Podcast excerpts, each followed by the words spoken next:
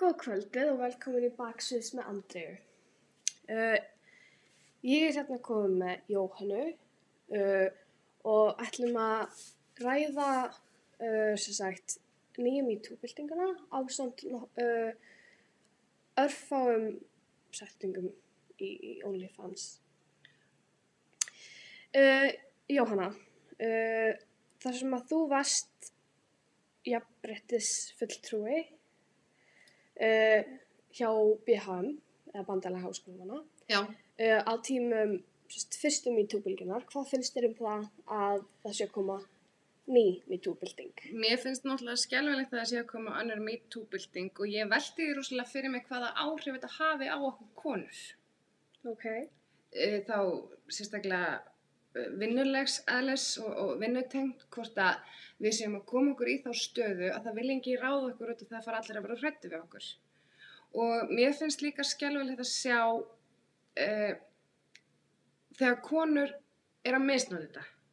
Já. og mér finnst það eiginlega fyrir sínum kynsistrum með það. Ég er ekki að segja að einhverja ákveðna konur sem hafi stíðið fram núna séu að að misnota það. Ég er ekki, ekki að fullera það. En mér finnst það þurfa að kanna allt vandlega vegna þess að við verðum nú líka aðeins stundum að gefa strákunum smá sögurum. En það heitir þetta jafnrétti. Já. Og þeir eru kannski stundum að gera eitthvað sem þeir átt að ég segja á.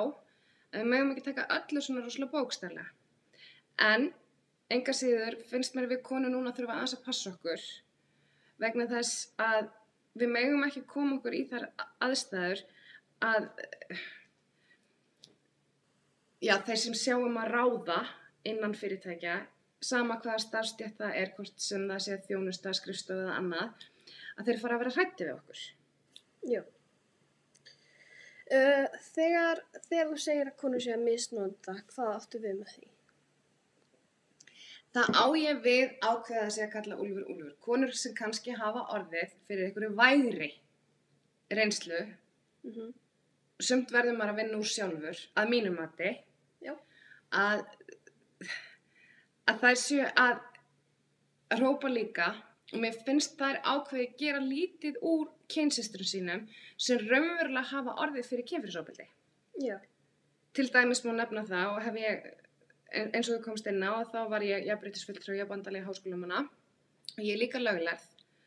Ég er lögfræðingur að ment og hef sett mig inn í þessi mál vegna þess að ég brenna ákveði fyrir þeim. Já. Og mér finnst sko, þú mátt ekki gera lítið úr þeirri reynslu sem konur raunverulega verða fyrir það að verða fyrir kynfyrirsofabildi. Og það er konur sem verða fyrir kynfyrirsofabildi, þetta er svo áðbúrslega mikil innrás Já. á þeirra engalíf og yfirleitt í kjálfari fylgir ákveðin frelsisvifting líka vegna þess að þú kemst ekkert, þú ert först. Já. Að konur, hvort sem þær hafa verið druknar eða hvað sem er, að þær muna allt. Þær muna klukkan hvað, hvað þetta var, þær muna eftir því hvað var á vegginum og hvað var í kring. Og stundum í umræðinu finnst með konu vera að stíga fram sem eru með frekar óljósa framburð. Hvernig þá? Þær eru ekki með þetta allt á hreinu og halda hugsanlega að þetta hafi verið svona. Og það finnst mér, mér finnst það ekki til þess að íta undir með kynsiströmm þeirra sem raunverulega hafa orðið fyrir kynfyrirsofbildi, heldur mér finnst það vera ákveð að draga úr alvarleika málsins. Já. Við höfum öll, ekki bara allar, við höfum öll einhvern tímann upplefað eitthvað sem okkur finnst óþægilegt og við megum ekki gera greinamun, við verðum fyrir ekki að gera greinamun á því sem er óþægilegt Já. og það sem er raunverulegt. Já. Þú veist, ef við komum inn á það, þá náttúrulega er í umræðinu líka, núna í kynferðis, kynferðisofbildis umræðinu er líka verið að tala um OnlyFans. Já. Og ég er ekki sátt í það hvað við höfum að sætta okkur við On- OnlyFans og ákveðin normalisera það sem er í gangi þar vegna þess að þetta er vændi. Já. Hvernig sem þú lítur á það, að þá ert að selja líka með þeim.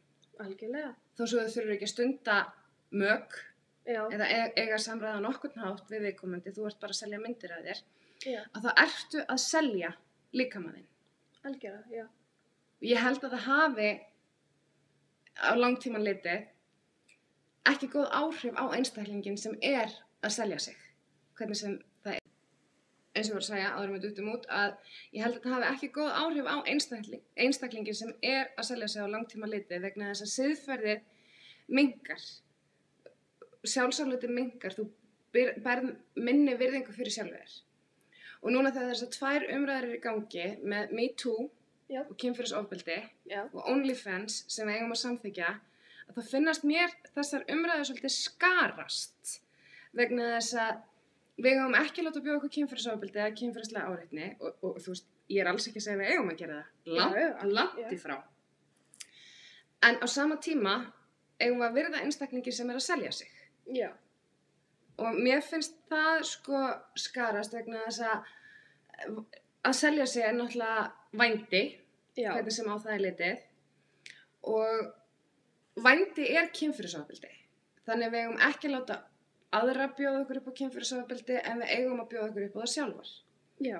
og eins og ég kom inn á áðan að þá er ég löglærð og ég veit það að vændi er ólulegt nema þú mátt selja sjálfan þig þú mátt sjálf selja líkamæðin en það má enginn kaupa þig og þriði aðeins má ekki hagnast að því en núna er OnlyFans að hagnast að því þannig að ég spyr hver lagalega staða OnlyFans sé Já. þeir eru það sem að þín kynsla myndi kannski kalla pimp Já, ok. Þannig að, þannig að OnlyFans er þessi í raun þriðja aðli svona. já, Já, ok. þeir eru að bjóða upp á þessa þjónustu Já. þeir eru bæði að bjóða kaupendum og seljendum upp á þessa þjónustu Já. Já. og þeir taka prósentur af því Já. Þannig að mér finnst þetta svolítið sérstækt og ég er ekki að segja að neittni að láta bjóða sér upp á kynfyrslega áreitni eða kynfyrsofbeldi. Já. Langt í frá. Já. Og ég er að samaskapa að segja að undir engum kringustöðum áttu að bjóða upp á vændi. Algjörlega. Já. Þó þú getur hagnast verulega á því að selja myndir af líkamæðinum inn á OnlyFans. Mhm. Hvort svona sért í einhverjum fötum eða ekki. Mhm. að þá held ég að kannski byrjar í fötum og svo sé það ekki að mér finnst þetta mér finnast þessar umræður skarast verulega Já. og ég er uh, já, ég er á því að það á enginn að láta bjóða sér þetta Skilji. og ég finn til með þeim konum sem raunverulega hafa orðið fyrir kynfyrirsóbildi og mér langar að byðla til kynsistra þeirra Já. ef þetta er ekki raunverulegt ofbeldi sem þær hafa orðið fyrir að styðja við baki á kynsistur sínum og vera til staða fyrir þær en vera ekki að blása það upp og gera lítið á þeirra baráttu með þær sem þær hafa lett í. Já. Helduru að við getum komið í vekk fyrir það að konur myndi, sem sagt, eins og þú segir, bæði misnóta þetta og, og gera, gera lítið úr þessu með því að uh, bæði fræða og upplýsa um það að það er munur á kynferðis ofbeldi og kynferðisbroti og kynferðis áreitni. Að sjálfsögðu, fræðsla er alltaf hennu góða Já. og sjálfsögðu við fræðum konur um það Mm hver, hvar munur liggi og náttúrulega allt það sem það fylgdur upp í brot kynfyrirslega áreitni og kynfyrirslega ofbeldi er bæði brot. Á þess að ég sé að gera lítið úr upplöfum einstin eins að þá er kynfyrirslega áreitni kannski aðeins saklausara heldur en kynfyrirslegt ofbeldi. Já, af því að í dag eru margar á mínum aldri, ég er nú bara að fara átján, að þá eru margar sem að halda að einföld áreitni, þá bara, já, að snerta á, á óviðandi hátt eða eitthvað svoleiðis, að, að það sé, sérst, uh, ekki áreitni heldur, heldur bæði ofbeldi og orð sem ég man ekki því miður eins og er. ok sko við þurfum líka konur að læra hvernig við höfum að bregðast við vegna þess að það er nú bara þannig í öllum samfélögum að við komum aldrei til með að útrýma brotamennum já, algjörða. og konum ef út það er verið að við komum aldrei til þess að útrýma brotamanninum þannig að við þurfum líka að ákveða hvernig við bregðumst við. Og þegar ég er 13 ára gömul þá er ég sett inn á bar. Já. og ég er búin að vera að þjóna mikið og ég er búin að vera að þjála upp þjóna og stelpur. Og þetta er partur sem ég tek inn í. Vegna þess að fulli kall með koma til með að reyna við á barnum giftir eða ógiftir. Algjörlega. Og þá kenn ég þeim að setja upp ákveðna ákveðin skjöld ákveðna grímu, hvað sem vilt kalla þetta og ef þú ert með mátulegan hróka þá láta þið í friði ef þú ert með ofmikinn hróka þá fara þær að rífast við þig Já. og ef þú ert undirgefin þá ganga þið lengra Ok. þannig að við skulum taka eitt lítið dæmi til dæmis Ok. ef að kallmaður sem er komin í glas lappar tíðin á barnum og segir mikið ofbúslega ertu falleg. Já. þá segir aldrei takk, nei þú segir aldrei finnst þið það, Já. þá ertu orðin undirgefin og farin að gefa húnu stjórnina. Já. þú segir aldrei eitthvað svona, það fer ekki milli mála eitthvað svo les besta leiðin til þess að losna við þennan mann að barnum er að segja takk. Veit allt um það í lítið speila hverjum degi og brosa Sniðut. ef þú nota þessa setningu Já. þá mun hann algjörlega láta þig frið Já. Já. þetta er mátulegur hróki Ok.